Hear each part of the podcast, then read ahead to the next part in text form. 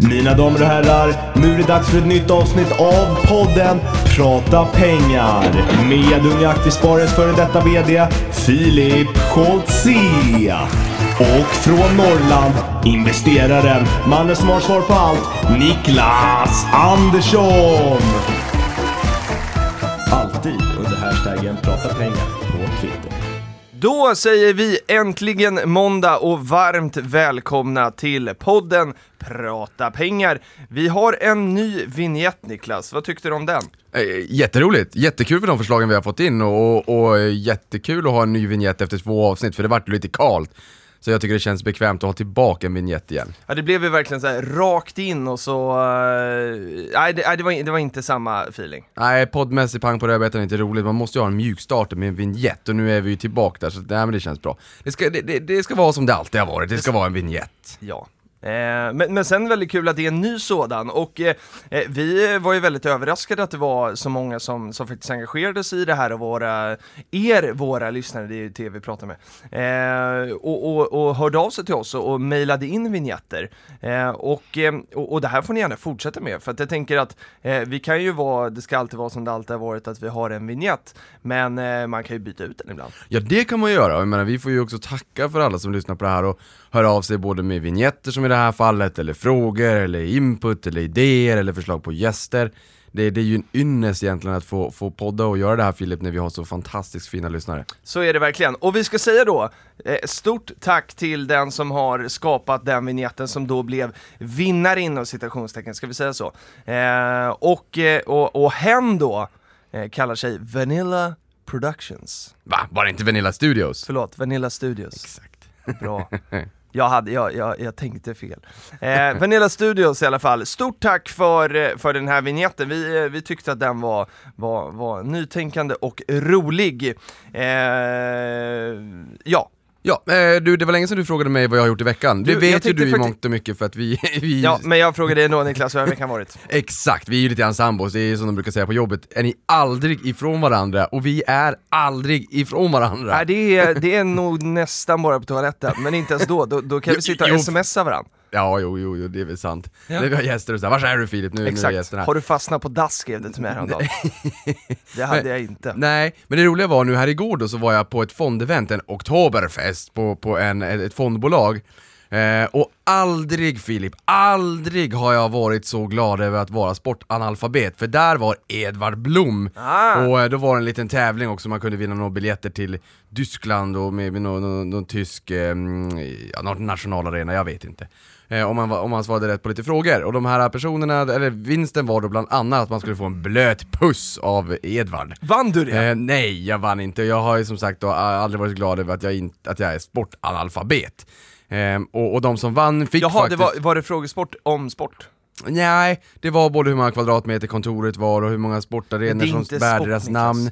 Ja, fast också då, eh, det, det var någonting med Okej, jag sport. fattar, okej. Nej, nej men det var alltså konkreta sportfrågor också, men något det var det, sportlag, okej. jo det var det. Okej.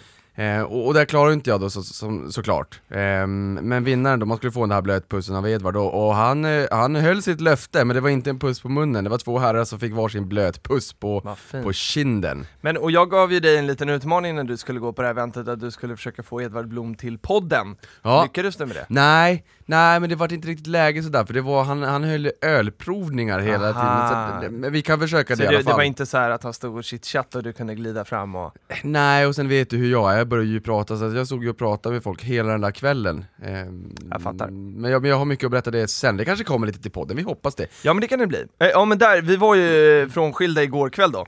Eh, Jag var på ett annat event där Fredrik Wikingsson eh, eh, modererade en, en premiärvisning av en ny serie. Och, eh, och han var ju utan sin Filip då, eh, och jag var ju utan min Niklas. Så att jag la upp det där på Ah. Insta igår, att, att eh, han var utan sin och jag var utan min. Så det, men det var en av få tillfällen faktiskt som vi är eh, eh, ifrån varandra. Men du får jag bara säga en sak också, de första 70 åren så var Oktoberfest en nykter tillställning. Ja. Alltså ingen due diligence på börsnoterade eh, alkohol eller dryckesbolag, utan det var alltså en nykter tillställning typ 1810. Eh, började man med det här och det är en av världens största folkfester och, och det, det är faktiskt så att, eh, för Edvard Blom där, ha, han hade en... en, en Han, han, han är ju väldigt eh, Oktoberfest-kompatibel. Ja det är han ju! Ja. Och han hade en dragning på en 15 minuter om histo- historien bakom Oktoberfest, det där tyckte jag var spännande. Han pratade ungefär fem sekunder, fem, tio sekunder och sen så tog han en öldrickarpaus och sen så fortsatte Aha, han. okej. Och det är nämligen så här, jag ska avsluta med att säga att det, tydligen så är eh, olympiska spelen sprungna ur Oktoberfest. Fantastiskt. Oj, sådär. Nåväl. Eh, jag, jag, jag tänkte, jag ska göra en lång, eh, ett långt intro om vem som är vår gäst idag. Aha! Ska jag jag vara så här på spåret, så här, 10 poäng? om man kan Nej, gissa ja, om men det 10 skulle poäng. kunna vara. Jo, jo, ja, eh, nej du vet ju vem det är så jag kan inte köra med dig Niklas. Okej, strunt samma. Igår när jag skulle gå från jobbet så satt eh, eh, din och min kollega David eh, och, eh, och försökte lösa en Rubiks kub. Ah. Och då sa jag så här: vill du att jag ska ta med den här till, till morgondagens podd så kan han lösa den. Eh, nu vet jag att det är en han då. Eh, och David nej nej nej, så här. han bara, jag kan logiken sa han, men det, det här, vi ska också säga att det var en Rubiks kub som eh, eh, så här reklamgrej, så att det var lite bilder istället för färger, så att jag tror att det var lite mer avancerat, vi ska fråga vår gäst om det sen, om det blir mer avancerat. Det var inte. Ja, ja, du vet vilken det här Ja, är. ja det, det är Nasdaqs Rubiks kub, det var små, små, små bilder. Det Exakt. Man måste vara rätt smart för att ens bara kunna se skillnad på de här små bilderna. Exakt, och typ alla färger är i samma nyans ungefär, allt är typ blått men det är lite olika nyanser, så att väldigt svår. Eh, men då, då frågade jag i alla fall, vill du att jag ska ta med den här till morgondagens gäst? Och han sa nej, nej, jag, jag ska klara den här. Och så tänkte jag att jag kanske skulle liksom smyga med mig den ändå och liksom komma tillbaka med den idag färdiglöst, men eh, så blev det nog inte, jag fick inte med mig den där. Eh, hur som helst, kopplingen är i alla fall att dagens gäst hade vi med också i uppesittarkväll eh, för två program sedan va? Och, eh, och, och inför det så, så fick jag reda på att eh, då vår gäst är en fena på att lösa Rubiks kub och så visade han också i, i Uppesittarkväll. Eh, men, men det här är egentligen bara den stora parentesen därför att vi träffade ju dagens gäst för tre år sedan Två år sedan, hösten 2015, eh, första gången i Kista, en höstkväll eh, där vi skulle på ett företagsbesök med unga aktiesparare. Och eh, jag tänkte att vår ska få berätta om, om den här kvällen lite själv. Eh, så varmt välkommen till podden Max Kenning! Tack så mycket. Hur är läget? Det är jättebra, det är kul att vara här. Ja, det är superroligt att ha dig med här alltså. Vi kände ju det, det var ju kul efter uppesittarkväll, det var kul att ha med dig där, eh, och sen så eh, tyckte vi att nej men det var ju lite för lite tid vi hade, vi behöver ju prata mer med dig, eh, och då är det bra att man har den här podden också så att vi får ännu mer tid. Eller hur Ja, Niklas? ja, det blir ju den yngsta gästen. Jag satt bara och funderade snabbt vilken den äldsta gästen vi har haft där och jag vet, jag tror att det är Stefan Ingves, riksbankschefen, och Max blir den yngsta då, så att vi, där har vi, där har vi liksom spann. spannet. Ja. Verkligen. Han satt precis där du sitter, så det är liksom, eh, egentligen skulle man ha tagit en bild på alla gäster där, där de sitter, så kunde man liksom dra dit bildspel så här. ja, och det jag menar, det finns väldigt många, många människor i väldigt många åldrar som tycker att det här med sparande och investeringar är roligt. Ja, men då tänker jag också så här att eh, eh, det är ju betydligt många fler som lyssnar på den här podden och som tittar på Uppesittarkväll, än så länge. Och jag tror ju att väldigt många av de som har följt den här podden länge har ju hört oss prata om dig Max, inte som Max liksom eh, i, i, eh, med ditt namn utan snarare som eh, den här eh, y, lilla får vi säga, för du var ju, idag känns det mycket större än för två år sedan. Eh, man ska, växer ska, ska du nypa han i kinden säga åh vad du har blivit stor sen vi såg det nej sist, men Max." du Niklas har ju ofta i den här podden eh, refererat till, till den här liksom, eh, eh, unga aktiesparare som kommer med attachéväska till den här Cloetta-träffen, eller hur? Ja just det, ja, ja, så att absolut. det är liksom där, det här, det är Max. Eh, och Max, kan inte du liksom bara ta oss tillbaka till den här, visst var det en höst för två år sedan? Precis, Just det. eh, hösten 2015. Eh, det var jättekul, jag, jag hade blivit ung aktiesparare bara någon månad tidigare och så kollade jag på hemsidan då vad det fanns för event och lite förmåner liksom med att vara med i Unga Aktiespararna. Så såg jag det här eventet hos Cloetta och eh, som det barnet jag var, eller är, så älskar jag ju godis såklart och så kände jag ju till Cloetta och så tänkte jag att ja, men det här vill jag, det här företaget vill jag gå till liksom. Det vill, jag vill se hur företaget ser ut liksom och, från ett annat perspektiv. Men, men hur gammal är du idag Max? Ja, Ja. vi måste reda ut det här. Ja, Jag är 15. du är 15. 15 idag. Jag fyller 16. Du fyller 16. Herregud. Har du moppe? Nej, det har jag inte. Nej. Känner att jag gör inte riktigt någon annan vändning av det. Pengarna gick till aktiekontot istället. Smart. Exakt Filip. Smart. Det är så vi Nej smarta vadå, gör. jag körde pappas gamla hoppe, den kostade inte mig många kronor kan jag säga. Eh, fortsätt, vad, vad, så här, okej, så du var 13 bast då, Precis. eh, då är man ju ung. Ja det är man. Ja, det är man väldigt ung. Helt rätt tid att börja med, med sparande och aktier. Och jag blir lite nyfiken på, på liksom vart intresset kommer ifrån och sådär från första början. Vad var det som gjorde att du blev intresserad av, av aktier får man väl säga då. Mm, nej, jag snackade ju lite om det i uppesittarkväll, men det var ju det var av ren och skär nyfikenhet. Jag, jag frågade min pappa vad, vad han jobbade med. Jag, jag förstod att han jobbade med pengar, att han förvaltade pengar på något sätt, men jag förstod inte riktigt vad, vad han tjänade pengar på till företaget. Så frågade jag honom och han jobbar med fastigheter då. Och så frågade jag honom vad han jobbade med. Han förklarade att han hanterade fonder. Eh, och en fond förklarade han som en påse med pengar då, som folk kunde lägga ner sina pengar i Um, och som han sen kunde ta och använda för att göra fler. Och sen ge tillbaka till de som har investerat då. Och så förklarade han konceptet med fastigheter, om ränt, eh, räntor, eller liksom, eh, hyror speciellt och eh, värdeökningar på fastigheterna. Och eh, så tänkte jag ju då liksom, det här låter ju fantastiskt. Jag vill mm. börja investera i fastigheter. Och det var innan jag lärde mig att liksom, det gick inte att investera i fastigheter bara för några tusen kronor. Liksom. Det var innan crowdfunding blev stort och så, så jag hade inte några miljoner över för att investera i fastigheter. um, det hade men, inte jag heller när jag var 13. det är väldigt få som har det. Nej, men, um, och så då frågade jag honom om liksom, det fanns något annat sätt att då tjäna pengar på pengar så att säga. Ja. Um, och så förklarade han om aktier. Och jag, det var lite samma sak där. Jag, jag, hade, jag hade hört ordet aktier förut. Jag visste att det var en del av ett företag men jag visste liksom inte riktigt hur det fungerade och att privatpersoner kunde handla i det helt själva. Tyckte, eller trodde rättare sagt att det krävdes mycket mer kapital än vad en privatperson normalt, normalt har. Liksom. Men hur såg liksom, ja men från det att du blev så ny, det är ju superkul alltså. Och roligt då också då att du hade en, en förälder som kunde liksom putta dig lite åt, eh, åt rätt håll. Det är inte alla som har det, verkligen Nej. inte. Eh, men, men, men kan du inte så liksom beskriva från det att du var så nyfiken och, och upptäckte att vad aktier var och förstod lite att man kunde tjäna pengar på pengar, till att du sen också liksom faktiskt köpte din första aktie. Hur, hur, lång, hur lång resa var det? Hur började du liksom, köpte du massa böcker eller gick du på UAs träffar eller vad gjorde du för att lära dig? Det, det, tog faktiskt ett tag innan jag blev medlem i UA, det tog någon två månader eller någonting från att jag verkligen ja, det är fort. Det är ja. fort. Ja, men, det ska eh, du inte skämmas för, det är snabbt. Nej då, men eh, det är, jag började med att läsa liksom, tidningar och så, och pappa prenumererade på DI så då snodde jag den, så det blev en liten kamp om den på morgonen. um, men så läste jag den och så började jag läsa VA, Veckans Affärer. Och um, som den personen som är född efter 2000-talet jag är liksom, så började jag kolla på digitala resurser och um, kolla på Investopedia. Peak till oss där. nej, men, nej men jag började kolla på så här, Investopedia, var jättebra. Ja, just det. det är en um, fantastisk sida. Börsnoterad. Ja. Mm, ja, den ägs av ett okay. börsnoterat bolag. Jaha, okay. nej men eh, så kollade jag upp där och det fanns så mycket information och försökte jag lära mig lite varje dag liksom. Satt på rasterna under, mellan lektioner och höll på och kollade där. Men var det framförallt att du liksom ville lära dig, för Investopedia kommer jag ihåg när jag pluggade, att man använde mycket för att liksom förstå termer. Eh, mm. var, var, det det som du tyckte var den liksom, största hindret till att liksom försöka förstå av aktier, hur, hur det fungerade? Ja men det var, det var en viktig del. Det är man, om man läser tidningarna så kommer det upp termer som P tal och ebita och allt sånt där och då kan det vara viktigt att veta vad de betyder också för att kunna göra en bra analys. Um, så det tror jag var en stor anledning. Sen så har ju de lite av ett nyhetsflöde också där de skriver om företaget så, så att de läste också. Just det. Och, och, sen då, när, hur lång tid tog det innan du eh, fick tummen ur och köpte den första aktien då?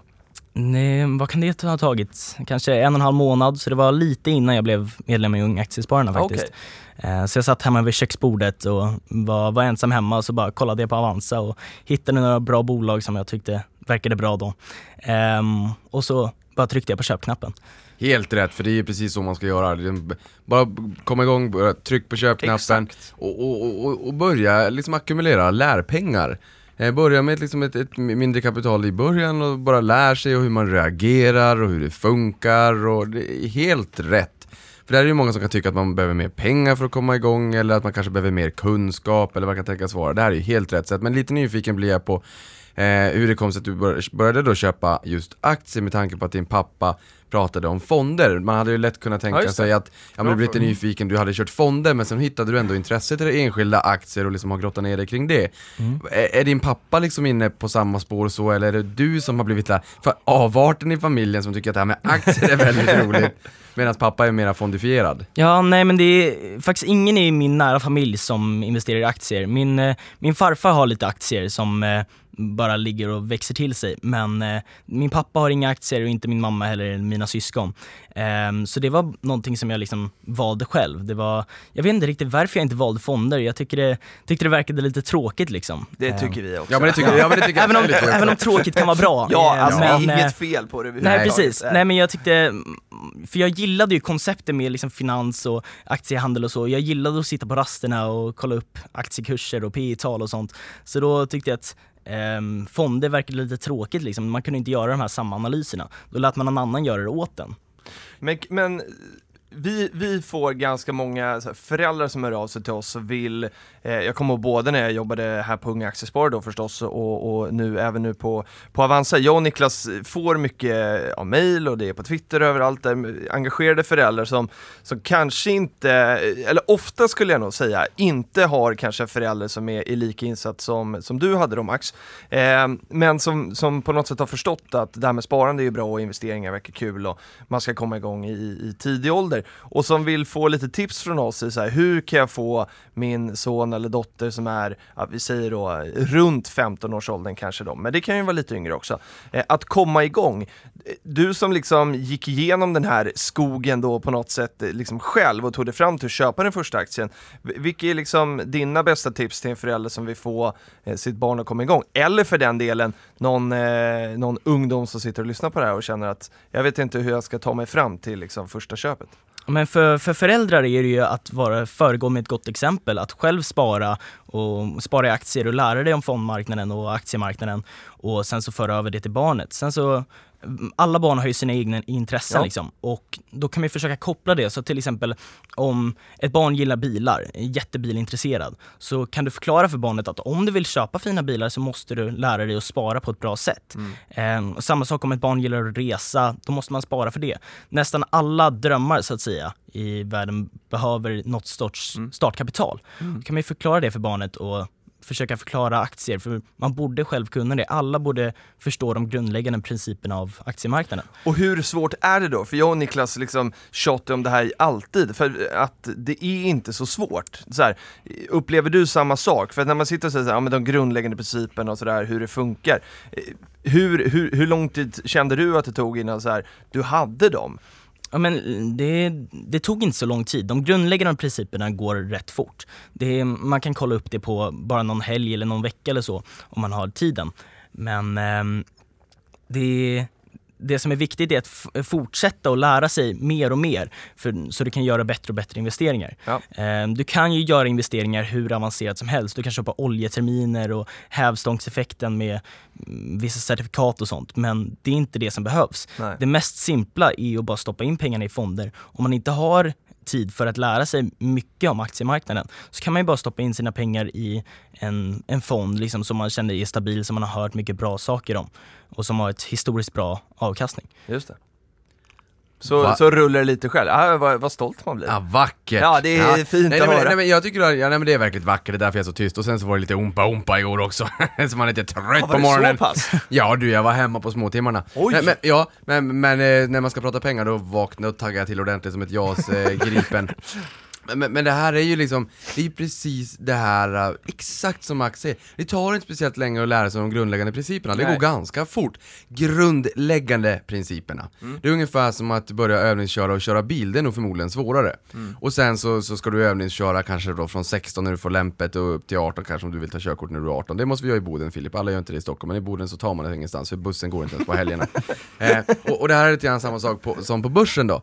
Att, eh, att förstå de grundläggande principerna, utbud och efterfrågan, att man kan köpa, att man kan sälja, att man liksom är en ägande i ett bolag och, och aktiekursen går upp och utdelning. Det kan man lära sig nog ganska fort och sen så får man ju övningsköra på börsen över tid för det är ingen som vet vilka bolag som kommer bli 10 baggers som Peter Lynch brukar säga, alltså 1000% de kommande, säg fem år. Det har vi ingen aning om. Där krävs det liksom fingertoppskänsla och man måste liksom vara vaksam och vad händer runt om i samhället, vilka varor och tjänster använder folk och jag och hit och dit. Men just de här grundläggande principerna att faktiskt komma igång och kunna övnings, fortsätta övningsköra på börsen framåt och lära sig mer och mer. Det tar inte så lång tid att, att komma över den här lilla första barriären, Nej. att bara ta, ta steget, Köp aktier för en liten slant, börja lära sig. Mm. Det tar inte så lång tid, så det, det tycker jag är jättebra medskick som, som Max skickar med. Verkligen. Och, och vi är ju jättenyfikna nu på att se liksom var, var de här två åren har, har lett. Liksom. Var, vem är Max som investerar idag? Men innan vi kommer in på den frågan så, så är jag ju jättenyfiken på att höra. Eh, det här är ju en podd eh, som, som vi gör tillsammans med unga aktiesparare. Jag och Niklas är ju valsade, som Niklas brukar säga, i, i du säger att du valsade i SCB, eller i storbanksvärlden, men jag, jag säger då att vi valsade i, i UA. Eh, och det är ju du också nu Max. Vad, vad, på, på vilket, eller så här, vad bidrar UA med i, i det här? Vad har UA betytt för dig? Ja, men det har betytt mycket. Det, det har hållit intresse, eh, intresset öppet, eller liksom fortsatt liksom. Eh, att de här eventen till exempel, att man, om man tänker på alla de största investerarna, Warren Buffett till exempel, Mm. han hade någon sorts mentor liksom.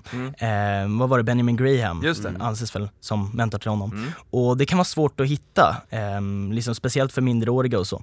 Men med UA så kan man ju träffa andra aktieintresserade på de här eventen och det vi gör är egentligen snacka om aktiemarknaden och Ehm, ge tips till varandra och mm, se hur andra investerar för att själv lära sig och investera bättre. Så det är väldigt givande. Eh, sen så finns det de här förmånerna med liksom billigare aktiehandel och att man får rabatt på tidningar på Affärsvärlden och lite sånt. Men det är just träffarna som är mest givande, tycker jag. Kul att höra. Ja men just människorna bakom att träffa ett nätverk och de här träffarna, för jag menar, det, det tycker jag också är fantastiskt just det när man går ut på bolagsträffar, träffar bolag, får lyssna på representanterna, få en känsla kring börsbolagen, så finns det, kunna ställa sig sina egna frågor. För det är ju ofta så att Det är ju en Ehm, förmån. Ja det är en förmån. Alltså, och, det, och det är ofta så att om man då ställer en fråga eh, som man kanske säger att man är ny inom aktiespararvärlden, man är ny inom unga aktiesparare, så ställer man en fråga som är ga- ganska basal kanske. Mm. Så kan man ge sig tusan på att det sitter 51 andra människor som tänker samma fråga men inte riktigt vågar fråga. Mm. Så att just att, att, att kunna gå till de här träffarna, träffa bolagen, ställa de här mest simpla, enkla frågorna. Mm.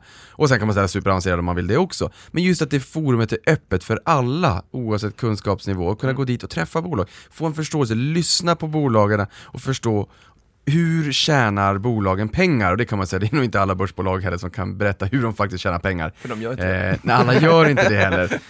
Eh, och det är väl mest på de kanske mindre listorna. Men det, men det är en jättefin Ja. förmån. Eh, och, och sen tycker jag att det är ju, eh, eh, Max du är ju ett eh, otroligt bra bevis på att att det här är en värld som, eh, som är verkligen liksom öppen för, för alla på något sätt då, att det är liksom väldigt tillåtande att komma som ny och, och liksom nybörjare man får säga det, liksom när man, har, när, eh, när man är som 13-14 år. Jag kommer ihåg när jag var på HM-stämma då, det var 2016 kanske då, Mm. och du ställde dig upp inför liksom, ja det ju, sitter ju säkert 1500 pers där inne liksom, och, och ställde en fråga till, till, eh, till Persson, gubben och sonen, och det, och det går ju alldeles utmärkt, alltså det är ju, det är ju så uppskattat och, och man, man känner ju som ung i den här världen att man är eh, verkligen välkommen, och man behöver inte ställa de mest avancerade frågorna, ofta är det de här enkla som, som går igenom och som är väldigt bra. Men här blev jag nyfiken, vad var det för fråga? Det var, det Det, var, var ju- väldigt kul. Ja men det var ju, det handlar ju lite om ämnet faktiskt. Ja. Det var, ehm, när jag försökte anmäla mig till bolagsstämman då och signa upp med Euroclear och allt det där, så fick jag inte det, för jag var under 18. Mm. Aha! Eh, och det bryter ju mot massa lagar och sånt, att alla liksom aktieägare ska ju få gå på bolagsstämman. Hela, oavsett- alla röda lampor Exakt. i Ja, Bryssel exakt. blinkar när Max vill gå på stämma. Ja, men precis. Nej men och det är därför jag har ISK inte KF också, för jag gillar att gå på stämmor då och då. Så, men, Ja. ehm, så då behövde jag mejla typ tre olika personer från Oj. H&M för att jag ens skulle få komma. Och de bara Okej. vidarebefordrade mig till olika personer. Och så till slut f- kom jag i kontakt med någon som kunde få in mig på stämman. Ehm, och, ehm, och sen så ändrade de det till nästa år. Så då Okej. fick folk under 18 Mm. komma dit. Du ser, alltså Nej, vad, vad, vad man kan påverka. Ja, alltså det är otroligt. vad kul! Ja, jag tycker, ja, jag blir, man, man blir väldigt stolt även där. Och det är också sådär, nej men, eh, och sen är det ju jättehäftigt att man vågar liksom ställa sig upp inför en sån eh, samling människor och, och göra sin röst hörd. Men det är ju otroligt välkommet och, och som du ser, då, då banar man ju väg för andra att kunna komma dit också. Mm. Men om vi då tittar, nu är det då oktober är vi då, 2017. Vem är Max som investerare idag? Eh, Max som idag är någon som vågar ta lite risk, eh, men även gör djupa analyser på bolagen och investerar främst i aktier. Eh, kör stabila och starka bolag mm, som gärna ska gå med vinst, men jag har ändå ett öppet sinne för om jag hittar ett bolag som jag tycker är bra, som inte går med vinst. Mm. Eh, och jag ska kunna stå bakom dem i alla perspektiv, vare sig det är miljömässigt eller vinstdrivande eller vad det än kan vara, ska jag stå bakom bolaget. Mm. Eh, och det allra viktigaste tycker jag är att de ska ha en bra styrelse. Mm. För om styrelsen bryr sig om bolaget eh, kommer bolaget förbättras. Och om de inte tänker bara på sin egna ekonomiska vinning, som vissa gör när det sker insiderhandel till exempel, då tänker man inte på företaget, då tänker man på sig själv. Mm. Och om de tänker på företaget kommer företaget bli, bli bättre och därmed kommer börsvärdet öka. Det är där det börjar. Ja, det här är ju aktuellt också med, med insiderhandel och Oh, ja. ja, ja nej, viktiga, viktiga poäng. Och det kommer ju lite då och då, det är det som gör en så förbannad alltså. När det blir, ja, när, när vi ser liksom styrelse eller ledningsgruppspersoner som skor sig själva. Ja, ja men och det, jag menar, vi, vi tre träffades ju på Cloetta för två år sedan, där har de ju varit ute och totalt eh, skitit i det blå skåpet, några personer på det där bolaget och skott sig själva genom att sälja innan man gick ut med vinstvarningen. Det är ju inte, det är ju inte kanske Cloettas fel och, och bolagets fel, men de här personerna man, man tarvar ju lite grann, De- skor sig själva på, på, på bekostnad på bolagets förtroende, så Mm. det, det förekommer ju. Ja. Oscar Properties också, fastighetsbolag, Visst. premiumsegmentet, styrelseordförande, eh, f- misstänkt för, för grov insiderhandel. Mm. Det är mycket sånt här. ja, det är inte nice alltså. Nej men det, det är mycket den senaste tiden. Ja. Eh, jag såg en sån här liten flash från DI också, där, det stod just det här om att eh, det är jättemånga såna här ärenden på senaste tiden. Mm. Det är inte snyggt. Nej och sen känner jag så här, även om, om alla då kanske inte är med uppsåt, att så här, vissa eh, eh, att någon bara är klantig, så är det tillräckligt liksom. Alltså för är man så klantig, då undrar man vad är mer är man klantig i det här bolaget liksom sådär. Så att jag, jag tycker, det är, om det är någon som försvarar sig med att nej men det var inte, det var inte mer, jag hade inte koll på det här, ja då, då det räcker inte liksom. Nej det kan man säga, en i Cloetta var ju väldigt klantig, han gick ut och hade blankat Cloetta.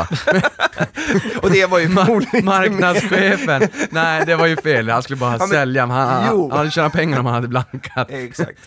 Ah, ja. ja, ja, ja. Men hur, eh, du är ju ganska liksom då, eh, väldigt genuin och, gedigen då liksom när du köper den här boken. Kul att du lyfter in miljön också, det hade vi Björn Ferry som var här och pratade lite Ja grann också.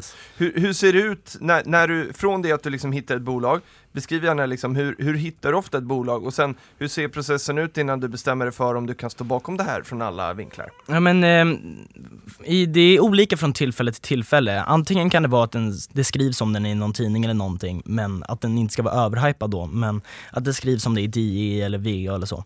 Men ofta så hittar jag aktier om, genom vad jag kallar för screeningrundor. Det är, det är, jag använder ju Avanza som nätmäklare Mm. och, och de har en sån här aktiefiltrerare som jag tror ni vet, ni som jobbar där. eh, men, eh, och då brukar jag ställa in liksom så guidelines, liksom att Ja. det ska vara un- under ett visst P tal att det ska ha ett visst börsvärde. Så kommer det upp en lista på massa aktier och så filtrerar jag ner det till ungefär två till tre aktier, kollar på dem individuellt. Mm. Och ehm, de här två till tre aktierna, de hittar jag ungefär varannan vecka. Mm. Och ehm, sen så kollar jag på de här och eh, analyserar dem under några veckors tid, de här två till tre aktierna. Mm. Och så kommer det nya ungefär varannan vecka. Och så till slut går några av dem bort och det blir ungefär två till fyra stycken kvar för varje köp som jag gör. Mm. Och det kan ske liksom någon gång var tredje, var fjärde månad. Eh, Så jag, jag köper inte aktier särskilt- ofta. Jag, jag månadsspar i fonder, även fast det är lite tråkigt. Men det är bara för att jag ska ha, ehm, jag ska vara ehm, utsatt liksom för marknaden. Ja, att jag ska, Du vill inte att pengarna precis. står vid, på, vid- vid Nej sidlinjen men precis. liksom? Eh, nej men så att jag ska ha exposure till marknaden Mm. så att säga. Och ehm, så, så när jag hittar väl bolag som jag vill köpa, då flyttar jag över pengarna från fonden Aha. till aktierna. Och det, det är lite för att jag har lite problem med, vad heter det, min pappa då, han, han jobbar ju på ett asset managementbolag. Mm. Och ehm, det är baserat i London. Mm. Och Londons finansinspektion typ, de har väldigt restriktiva regler på aktiehandel bland familjen. Okej. Så att varje gång jag ska köpa en aktie Mm. måste jag skicka en ansökan via min pappa eh, som skickas till London och så måste den godkännas där för att kontrollera att pappa inte har någon, någon liksom information om det företaget. Ah, okej. Så skickas det tillbaka till min pappa som sen skickar det till mig och då kan jag köpa det. Eh, och då måste jag Och då har skicka det in tre månader. Nej men det, det tar ungefär fyra timmar. Ah, okej. Ehm, och då tar det av min pappas dag liksom och så, så jag kan inte göra det liksom varje månad. Förstår. Eh, för det blir väldigt jobbigt. Men sen så fonder har inte de restriktionerna. Nej. Så att eh, det är väldigt svårt att liksom trada i fonder. Okej. Eh, så att de, de kan jag köpa helt som jag vill. Jag tycker det är Just det. jätteroligt, alltså, Max verkar vara en klipsk ung, ung kille, kan inte han bygga en algoritm eller någonting som bara, där man trada och skicka massor av förfrågningar automatiskt skicka. Eh, Men, men, men, men Max, för jag blir så här nyfiken då, vad liksom är, vad är syftet eller så här, är du långsiktig i dina investeringar? Jag menar jag, jag har ju en, en livslång horisont i alla fall med portföljen, förhoppningsvis med många av bolagen, men det kan förändras över tid om, om bolaget förändras i en riktning som jag inte tycker rimmar med de beslut som jag fattade när jag en gång köpte bolagen. Men, men din portfölj som den ser ut idag då, hur, be, berätta lite mer. Är det här liksom långsiktiga innehav som du vill ha för, för resten av livet? Hur, hur tänker du kring din portfölj? Min portfölj består av väldigt starka och stabila bolag som jag ska Mm. ha länge.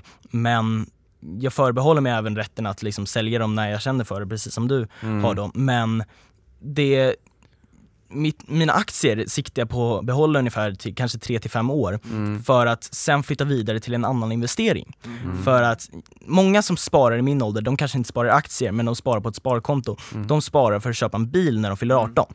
Eh, det gör inte jag. För att en bil är inte en investering. Nej, det är, Det är många som säger det, liksom, att en bil är en investering, men Ja. det är det inte. Nej. En investering ska liksom, helst ha stor sannolikhet att öka i värde. Mm. Men det gör ju inte en bil om man inte köper sig en samlarbil. Eh, men om du köper en vanlig bil så kommer den nästan garanterat gå ner i värde. Men om man till exempel ska använda pengarna för en handpenning till en lägenhet, Mm. då bostadsmarknaden går ju generellt sett uppåt. Mm. Vi får se hur det ser ut om 3-5 år. Men, ehm, så att jag är långsiktig och jag kommer använda pengarna jag har nu för att fortsätta investera i framtiden. Mm. Men det kommer nödvändigtvis inte vara aktier. Men eh, skulle det, har du något sånt mål att du vill köpa liksom en bostad då eller göra, dra ett par år till Australien eller? Nej men eh, jag, jag har inget riktigt sånt mål. Ehm, jag vill gärna plugga på ett universitet utomlands efter gymnasiet. Ja, kul. Och det kan ju kosta väldigt mycket pengar. Det kan jag göra. Eh, speciellt om man pluggar i USA då Mm. och vi får se hur det blir e- efter Brexit i Storbritannien. Just det. Men eh, det kostar en väldigt, väldigt stor summa Mm. och som liksom svenskar så sparar vi inte så mycket pengar till, för barnen inför utbildning. Nej. Och eh, det är så det är i min familj också, för man tror inte att man behöver det. Men så då kommer jag nog troligtvis, om, om det blir så att jag pluggar i U- eh, USA eller så, eh, att jag använder pengarna för en utbildning. Ja, just det. Och logiken jag tänker bakom det är att om man, det finns ett företag som heter QS eh, och de brukar ratea universiteten i världen. Mm. Och det bästa universitetet i Sverige enligt dem då är Lunds universitet Mm. eh, och den är på 78 plats. Och det betyder alltså att det finns 77 bättre universitet i världen. Mm. Och då känner jag att om jag får en utbildning på någon av de 77 så kommer det vara mer givande och sen kommer ge mig en högre lön troligtvis. Mm. Och man, man kan skaffa ett bättre jobb och kan spara mer pengar i framtiden. Just så det i, i ett Är eget sätt är en, investering. Just, precis. snyggt! Ja men det är en investering i humankapitalet. Ja, verkligen. men- men- men- och också i, bara i sitt liv, att man får Ja. uppleva någonting. Alltså det kan ju Precis. vara lika mycket värt som att åka ett år till Australien och, och backpacka, att man eh, faktiskt får studera någonstans utomlands. Mm. Ja, du, ja precis, och just det här med att studera utomlands. Filip eh, är ju uppe på rosa moln när han pratar om det, för han älskar ju Kanada som ni kanske har lärt er som lyssnar på det här då. Filip Men eh, studerade ställ i Kanada. fråga, för jag avbröt dig Niklas, så kör du. Du skulle säga något och så ville jag bara bygga Ja bygga exakt, vidare. ja men det var väl bra. Ja, men, och, och Kanada, det, det, det, så att, Kanada kan jag tipsa om du vill plugga utomlands. Ja men perfekt. Fantastiskt bra. ja. Nej jag kommer inte ihåg riktigt vad jag, vad jag ville okej. säga, men, men, men det var säkert någonting, så jag kommer nog definitivt att kom- komma kommer- tillbaka, kommer till, tillbaka det. till det. Ja men det tror jag. Men hur viktigt Max är det Jo men jag vet, nu vet jag. Ja, kör då. Exakt. Det, jo men det här, för de ungdomarna som lyssnar på det här och som känner sig ja, jo men sparande är roligt och sådär, men jag måste ju också ha pengarna att faktiskt spara vid, vid sidan av att kunna göra lite roligheter med, med vänner och sådär också. Mm. Eh, vad sparar du för pengar? Får du eh, barnbidraget av dina föräldrar eller en del av barnbidraget eller månadspeng eller vad det kan tänkas vara? Nu börjar du bli gammal Max, men, men, men eh, från egentligen att vi träffades 2015 då till nu, vad vill, sparar du löpande? Ehm, jag sparar löpande. Jag har, det är kanske lite ovanligt, men jag har fem olika anställningar just nu och ehm, då fyra av dem anställningarna Ja, Filip, jag har ett. är typ ungefär samma jobb. Det är bara på olika ställen. Okej. Ehm, och så tar jag de pengarna och rör inte ens dem, de går till aktiekontot direkt. Och de investerar jag till 100%. Ja. Medan det sista jobbet, som även var mitt sommarjobb då, ehm, använder jag för liksom, det går till mitt personkonto som jag sen kan disponera. Och samma sak med barnbidraget. För jag, jag har lite av en deal med mina föräldrar. Att jag får mitt barnbidrag, men då måste jag köpa princip allt själv. Jag måste köpa Okej. kläder själv och om jag ska gå på bio köper jag det själv och, och så. Så det är det barnbidraget går till, till och snart nu CSN när jag, när jag får det. Just, det. just det. Men det är väl en superbra deal ju. Ja, Det där eh, det är ju bra tips till föräldrar och eh, ungdomar där ute att göra sån deal med sina föräldrar, eller hur? För då, för också så här, och jag tror många kanske tänker då så här, ja men om jag får barnbidrag själv och ska köpa alla de här grejerna eh, så upplever man kanske inte att eh, det räcker då.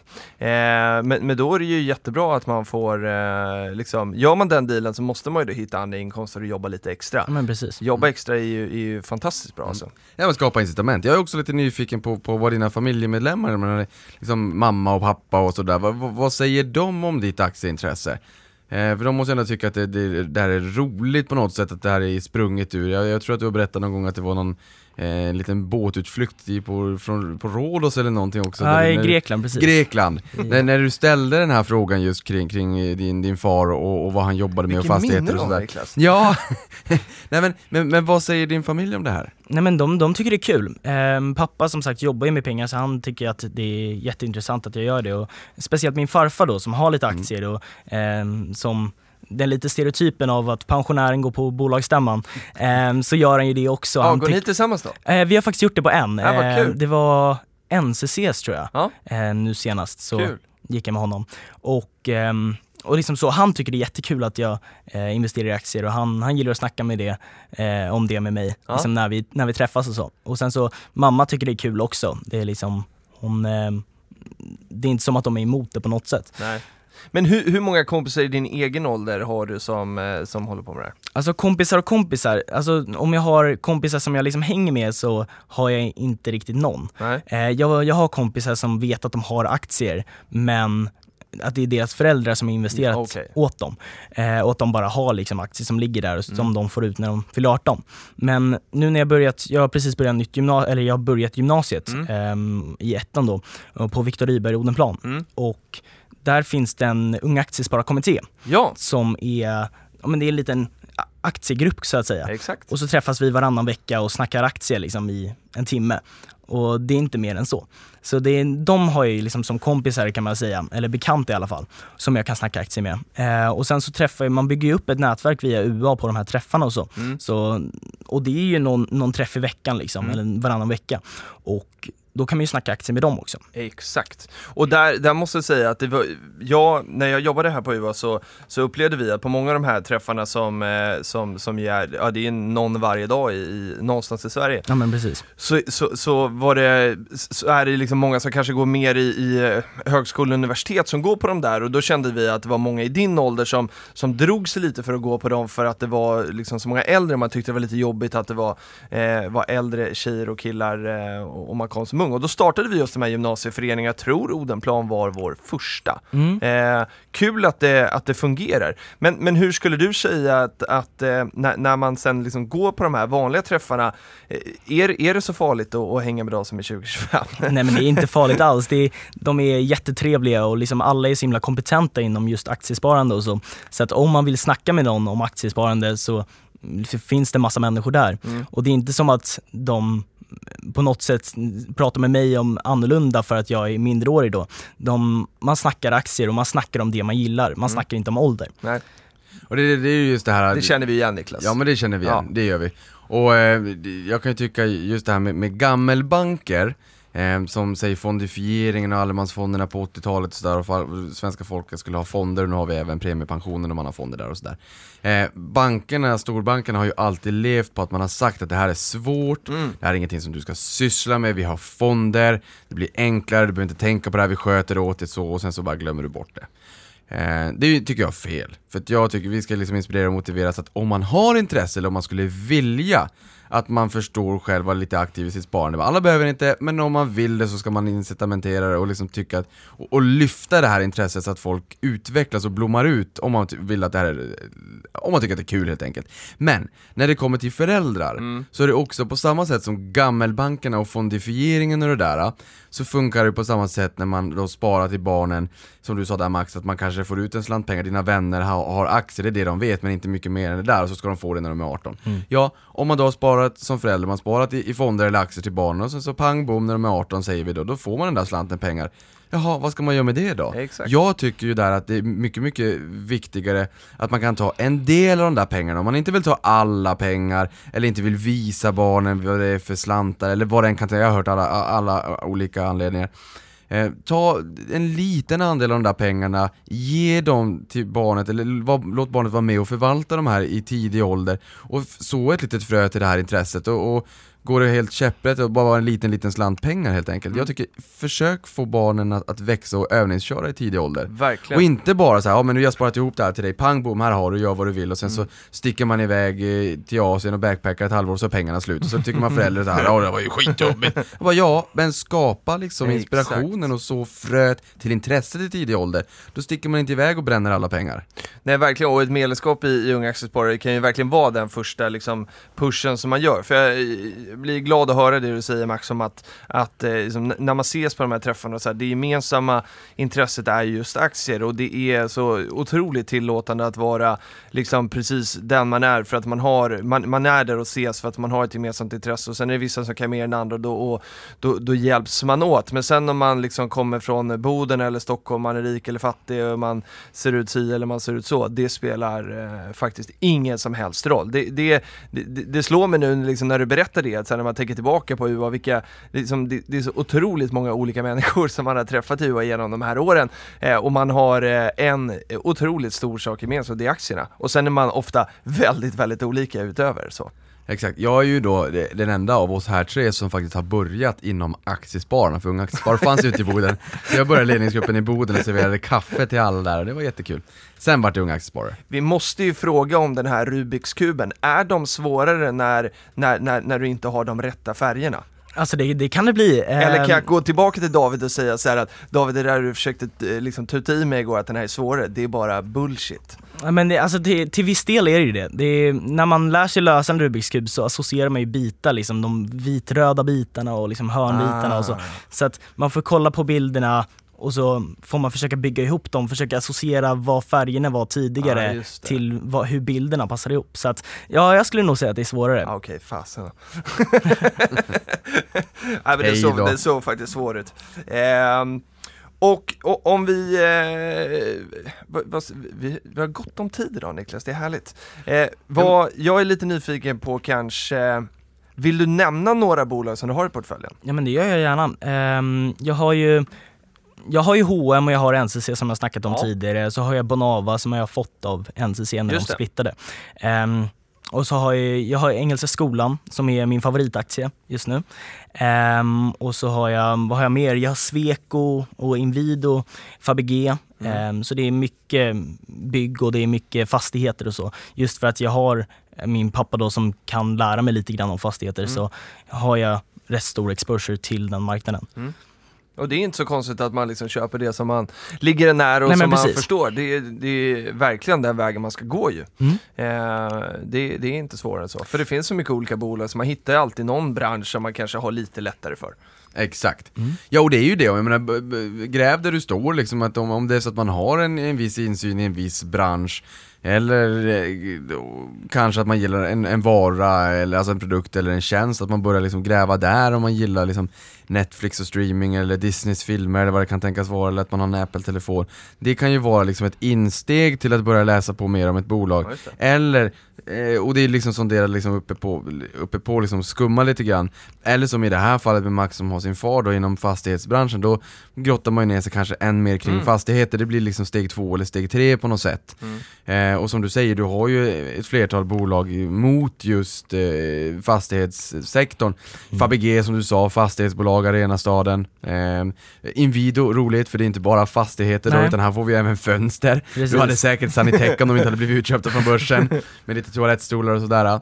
Eh, så det, det, det är kul ändå att höra vilken tilt du har i portföljen baserat på, på vart du kommer ifrån. Ja. Och liksom den, den, den kunskapen i, inom familjen och vad din far gör, att du, du är sprungen ur det så att säga, och blir mycket fastigheter.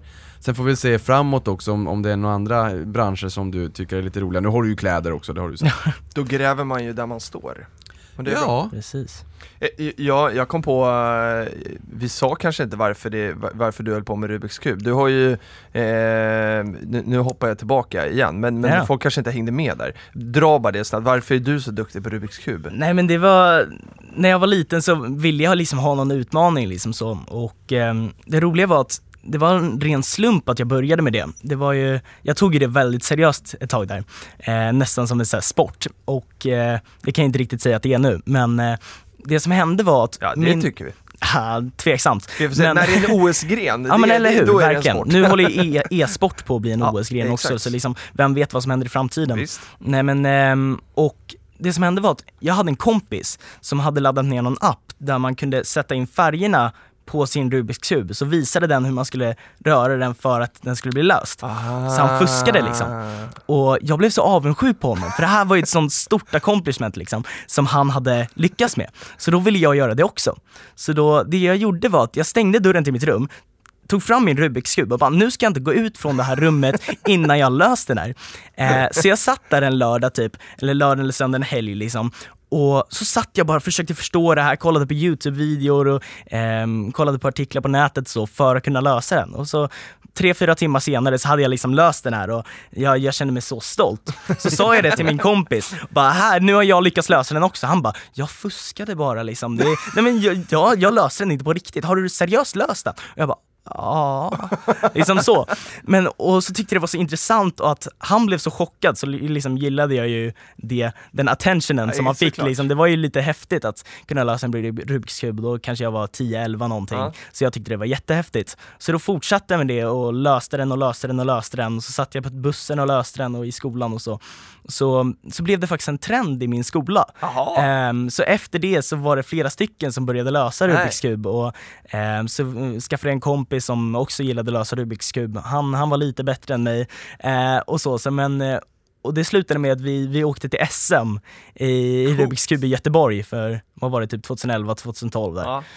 Så, men det var Och jättekul. vad, vad, vad är ditt eh, personbästa då? Mitt personbästa är 17 sekunder. Tyvärr är det inofficiellt, ehm, så det var hemma Ah, hos det är min inte kompis. under tävlingen? Precis, Nej, okej. mitt, under tävling är det typ så här 28 eller någonting. Ehm, för jag, jag var bara med i två tävlingar och det var i typ början. Okej. Men det roliga var att det finns ju så hemsidor som man kan köpa specialprodukter för de här grejerna och så. Mm. Och min kompis då hade skaffat de här licensierade timersarna som man hade på tävlingar. Så det är att man sätter ner två händer på en bricka liksom Ja. och så lyser det grönt och då får man börja lösa och så ska man slå på den här brickan igen när, när man är klar. Ja. Så att Ja, du, det var en sån du använde? ja. Precis. Ah, okej. Så att tekniskt sett är det officiellt men även är det inofficiellt. På samma sätt. Herregud. Ja, men det här är lite intressant också, för det här visar ju någonstans att om man ger sig den på att lära sig någonting så går det att göra. Det är samma sak Rubiks kub eller börsen och komma Ja. igång med sitt sparande. Eh, Ge det tre, fyra timmar så sitter det. Ja, Exakt. Nej, men, men, men det jag skulle vilja lära mig, eller det jag skulle vilja veta lite mer eh, är hur snacket går kring sparande och investeringar i din ålder bland dina vänner. Och nu pratar vi inte unga aktiesparare där ni liksom sammanfogas av en gemensam nämnare att, att alla är intresserade av aktier och investeringar. Utan snarare där, i din skola, bland dina vänner du är uppväxta med. Hur pratas det kring sparande och investeringar? Har, folk, har dina vänner respekt för pengar? Eh, eller känner man att ja, men mina föräldrar sparar pengar och jag kommer få pengar när jag är 18? Alltså, dutt, dutt, dutt, dutt. Eller finns det någon som tycker att det här är roligt? Du sa att det- det var mer en bristvara där, kanske mer inom unga aktiesparare istället. Men Mm. hur pratar man bland dina vänner? Men det, det, det är inte så mycket sparande. Det var liksom en, nu när jag började gymnasiet var det nästan en chock för folk att jag höll på med aktier. Ehm, Okej. Och det tycker jag är jättetråkigt. Mm. Sen så finns det ju de här aktiegrupperna liksom som jag är med i där folk är jätteaktiva. Men just på Viktor Rydberg Odenplan som är en väldig pluggskola om man kan kalla det så, Ja. så är det mer fokus på studierna än vad det är på sparande och jobb och så. Men om, jag har liksom bekanta i Norrköping också och där är eh, sparande och pengar mycket mer värt än att, att plugga enligt, enligt dem i alla fall. Så jag har en bekant där som har, hon är 16 och hon har en egen Mini Cooper. Eh, som hon har köpt med, för att hon har jobbat så mycket. Och hon håller på att spara ihop pengar för en handpenning till en lägenhet där som hon ska köpa typ nästa år. Ehm, när hon, vad är det, fyller 18 eller fyller 17 liksom. Ja. Eh, så det är mycket större fokus på sparande där än vad det är i Stockholm. Okej. Och det här är så intressant någonstans också, för att jag menar, ja visst, en pluggskola och man vill plugga, man vill få bra betyg, man vill få bra jobb och allting. Men att också i tidigt skede förstå det här med att investera och sätta pengarna i arbete och låta pengarna jobba för dig. För annars kan det bli så att man jobbar, man får ett jättebra jobb, men att man går dit varje morgon 9 till 17 eller i ekorrhjulet och, och liksom möjliggör någon annans dröm. De som äger bolaget, helt enkelt. Så att, att också förstå det här kanske i tidig ålder, att ja, studier och investera i humankapitalet och få ett bra jobb och allt det där, det är jätteviktigt. Men likväl så är det ju också viktigt att sätta pengarna i arbete. Det är för just de här jobben som man kanske drömmer om när man går den här utbildningen, ägs ju av någon. Det är ju jobben. Bolagen ägs ju av någon som tjänar pengar, som har investerat i de här bolagen och startat dem. Så att det hänger ju ihop. Jag hade gärna sett att det hade varit mera snack kring sparande och investeringar i, i redan i unga år. Jag menar, nu har du Vi- Vi- Viktor Rydberg gymnasiet, men innan det, när vi träffades första gången, då, då gick du ju i grundskolan. Var det någon skillnad där eller, eller var det lika ovanligt att prata sparande där? Där var det ännu mindre. Det Ja, var ju, ja. Vi var ju yngre liksom, så att det var nästan ingen fokus alls på sparande. Ehm, och samma sak där, det var folk som visste att de hade aktier och visste att de hade några fonder och så, men det var ingen som helst fokus på aktier eller sparande själv. Liksom. Det var knappt så att folk hade jobb. Ja, och det behöver inte vara så liksom att, ja men sparande och det är självklart, nu, är du ju, nu går du ju sexan eller sjuan, du måste ha tokkoll på sparande, det är inte det jag menar, Nej. utan snarare så att det hade ju varit kul om man, om man hade varit lite individer kanske som hade fått intresset lite grann, om man tycker att det är lite roligt och så. Sen är det ju inte liksom, det är ju inte affärskritiskt eller vad man skulle säga, Nej. att ha stenkoll i den åldern, man ska ju vara ung och, och, och, och ha kul också. Men det behöver inte vara svart eller vitt. Nej, det behöver inte vara svart eller vitt. Du, du, vi får skicka med dig Max att på, på gymnasiet där också, att, att eh, försöka få in dina vänner också till, till antingen Aktiespararnas fantastiska värld eller unga aktiesparare och försöka få dem lite nyfikna och intresserade. Jag har faktiskt värvat en person hittills. Bra! Så att det, Ja, det är det, bra. är en start i alla fall. Kul. Och ett bra tips till dem är ju att börja lyssna på Niklas nyhetssvep som eh, kommer alldeles, alldeles snart när Niklas har fått fram sin telefon och eh, ger mig tumme upp så att jag kan sluta Ja men det kan jag köra. Att- Nej, ja, nej, nej men det är väl så här att vi, vi, har ju, vi är ju inte digitala, eller vi är ju digitala, vi Ja, nu skriver nu ju är inte vi det ut då. det här. Eh, eller har inte gjort de senaste gångerna, och, och det känns ju, ja men det känns bra. känns vi är bra. digitala, vi tänker på miljö. Då ska vi se, det går lite mindre eh, toner också. så, vi förkortar de här bolagen som, har, som säljer toner. Exakt. Nåväl, Volvos planer om en börsnotering rullas på framtiden och ja, det ni hörde är precis börshumor för att Volvo är ju vi rullar, jag rullar, eh, är det. Eh, den indikativa värderingen av Volvo säger att det är den största, eller kommer att tänkas bli den största börsnoteringen sen Telia. Telia kom in 13 juni 2000 och har varit fantastiskt dåligt. Får vi se vad Volvo är då. Eh, det blir lite spännande för de har sagt att hybriderna ska vara, man ska bara ha hybridmotorer Egentligen från 2019 tror jag att det var och framåt. Eh, jag vet inte varför man är inne i de där tassemärken och doppar tårna bara liksom. Kör elbilar istället, men, men hybrid, man vill väl krama ur liksom förbränningsmotorerna och det man har. Eh, skulle man komma väldigt långt på den resan innan man kommer till börsen så, så tycker jag att det blir spännande att se vad man kommer in på för värdering. Ja det ska bli För, jättekul. eh, för traditionell bilindustri värderas extremt lågt i USA, 5, 6, 7 gånger Ja. årsvinsten. Även i Tyskland, jag satt och kollade i, Ja. nu när det är oktoberfest och så, satt och kollade lite på tyska bilföretag och de, de ligger där någonstans också ju. Just det. Ja, och ja, så vi får väl se helt enkelt eh, vad som händer och när Filip säger att det är oktoberfest, vi slopar liksom courtage på Avanza på oktoberfest. Ja, nu är det Eh, i för sent Tyskland- när man Nu är det för sent när man lyssnar på det här för då är det måndag. Eh, men det gjorde ju att du och jag Filip också spelade in ett litet roligt klipp och vi Ja. hade sån här oktoberfestklädsel. Man inser ju att det är väldigt mycket home bias. Ja. Eh, i, man har koll så tillvida att man vet ju vad det finns för bolag eh, i Tyskland, man känner igen dem, men så här, hur många känner igen dem, eller hur många vet vilka 30 bolag som ingår i tyska DAXen? Exakt. Eh, nej, man är, Och man, sen är det inte så enkelt ändå, därför Nej. att man, när man tittar på de där äh, bolagen så hittar man Porsche. Så tänker man, ja men Porsche är kul, det vill jag köpa. Men då äh, går man på lite nit för att Porsche ägs av Volkswagen och Porsche då eh, som är noterat är, är ägare i Volkswagen som äger Porsche med det största delen. Så att så här, förstå vad du köper, läs på innan du handlar. Exakt, Kolla det inte bara på namnet. Nej, för det är det jag skulle sagt, du sa att det var lite roligt, jag, jag tänkte, jag, jag hörde så här telepati kanal 5 att Max bara läs på, läs på, läs på, det är två till fyra bolag, det tar några veckor, någon månad, det liksom Exakt. så. Så att Ja. inte bara att det är roligt, men Nej. är, är det roligt kan vara ett första insteg till att titta lite närmare på bolaget. Jo. Eh, att det är kul är ju ett fantastiskt sätt att bli lite nyfiken och läsa på med det, är det. Nåväl, sen har vi också våran, eh, våran vän i hagen, Stefan Persson, som svarade på Max fråga på stämman. Jo. Han har varit ute och fingrat på köpknappen. Eh, Och där köpte han 4,3 miljoner B-aktier i Hennes och Mauritz för nettabeloppet av 914 miljoner kronor. Man kan Jag- tro att han har tio extra jobb då. Ja, ja, ja, ja det, kan, det kan nog så vara. Nej men han får väl en, han Ja. får väl en 5-6 miljarder i, i, i, eh, i eh, utdelning varje år. Och jag tror att nu, nu har han väl det, det senaste året definitivt förbrukat sin, sin utdelning för det senaste räkenskapsåret och, och köpa mer aktier. Sen har vi EQT Filip. Jo. EQT så- sålde 19% av Anticimex Kommer det till börsen Eh, Niklas, kanske? till Inst, ja till institutionella aktörer, jag tyckte det var väldigt elakt eh, att, att inte ringa till mig och jag undrar om jag hade ljudlöst på telefonen den kvällen. det kanske var så, nej. Men det kanske är ett tecken på att det kommer till börsen. Så Vi kan det nog vara, för jag tänker också de här inskunderna, de vill ju också kunna liksom omsätta de här, eller Exakt. de kanske sitter på bolaget länge och sådär. Men, men, men, men när det inte bara är EQT som ägare så kanske också kravet ökar på att Precis. det finns någon viss handel i den så att säga. Det intressanta är att Ratos eh, sålde Anticimex då eh, för fem år sedan för 2,9 miljarder och nu är den indikativa vär- värderingen 22 miljarder. Ratos börsvärde är 13 miljarder.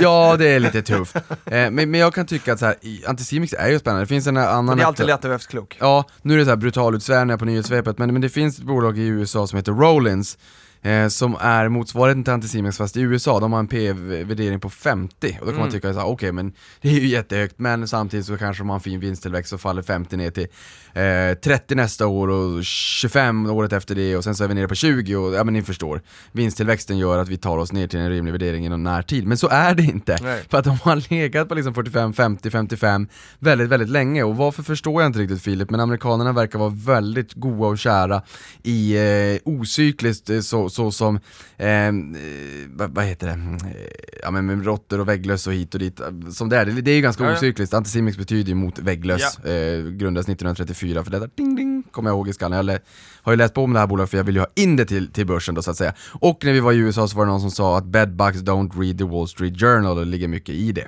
Nåväl, sen har vi IPOs i Norden. Vi träffade ju Adam Kostial som är noteringschef på Nasdaq i Avanzaplay.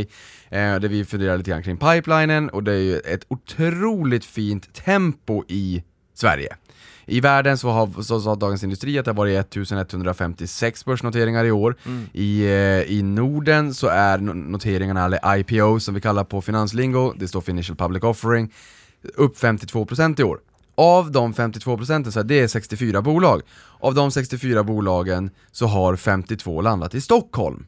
52 landade var 54. Ja, Jättemånga som har det landat i Stockholm. många. Där eh, fick vi liksom en liten förståelse för varför det är så, jag tycker att det är intressant. Här nöjer jag mig med nyhetssvepet och säga att det är ett, ett sjuhelsikes drag på, på IPO-marknaden.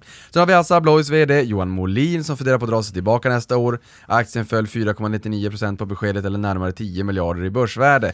Det här är ju ändå ett skönt tecken på som visar att marknaden också värderar Johan Molin och det tycker jag man ska göra för att han har varit väldigt, väldigt duktig. Aktien är upp 386% sedan han tillträdde 2005. Hans aktier föll 17 miljoner igår när han sa att han eventuellt funderade på att, att eh, sluta nästa år. Jobbigt. Sen har vi Rolls-Royce och Google som samarbetar kring autonoma fartyg. Vi har pratat mycket om autonoma bilar, nu är man inne på autonoma fartyg också. Och sist men inte minst, när vi satte oss här och skulle börja inspelningen så kom det upp en liten pushnotis från Dagens Industri som sa att SAS kallar till extra stämma, ny emission, ding ding ding ding ding. Jag har inte läst på mig mer så att jag re- eh, reserverar Men, mig. men det var en men färsk nyhet då det var jättefärsk nyhet. Förstår. Ja. Ja, jag tycker vi eh, stannar där. Vi hade kunnat snacka hur länge till som helst, men vad kul Max att du ville komma till, till podden. Det var jätte, jättekul att få att köra en, en fredag morgon med dig som gäst. Ja, det var jättekul att vara här. Ja, otroligt bra radioröst har du också. Tack! Ja, verkligen! Och det här, jag blir så glad över att det finns ungdomar som Återväxten tycker... är god. Ja men, ja, men ja, återväxten är god. Jag menar, men, I, i, i Aktiespararna då, så är ju medelåldern väldigt hög, och så är det, så ser det ut förmodligen i stora delar av Sverige. Och jag blir så otroligt glad att det finns ungdomar där ute också som tycker att det här är fantastiskt roligt och, och som borgar för en åter, återväxt eller liksom en, eh, en långsiktighet i det här intresset så att det inte bara är de äldre. Sen fantastiskt vackert att man kan gå, ner, gå med sin, eh, sina mor och farföräldrar Ja, på, på, på en stämma och kunna bonda ytterligare lite grann också med, med en gemensam nämnare och sådär, jättefint. Jag tänker att vi kan väl bestämma en stämma i vår där vi går eh, vi tre, vore inte det kul? Ja men verkligen. Det kan vi göra. Ja, så kanske vi kan eh, köra livepodd därifrån och sådär. Vi får se. Då ska vi se om jag också vågar ställa mig upp och fråga någonting som Max gjorde på H&M. Ja, Vi det, får det se. måste du göra. Vi får Ja, se. Vi får se. Max, du är en sann inspiratör. Vi eh, tycker det är superkul att eh, vi har lyckats fånga in dig i vår eh, aktiefamn här i podden och Uppesittarkväll och Unga Aktiesparare, familjen och sådär. Eh, jättekul att och, och, och fått lära känna dig. Eh, det ska bli kul att se din utveckling framåt. Varmt välkommen tillbaka. Och avkastning på det. Ja, hej då! Hej!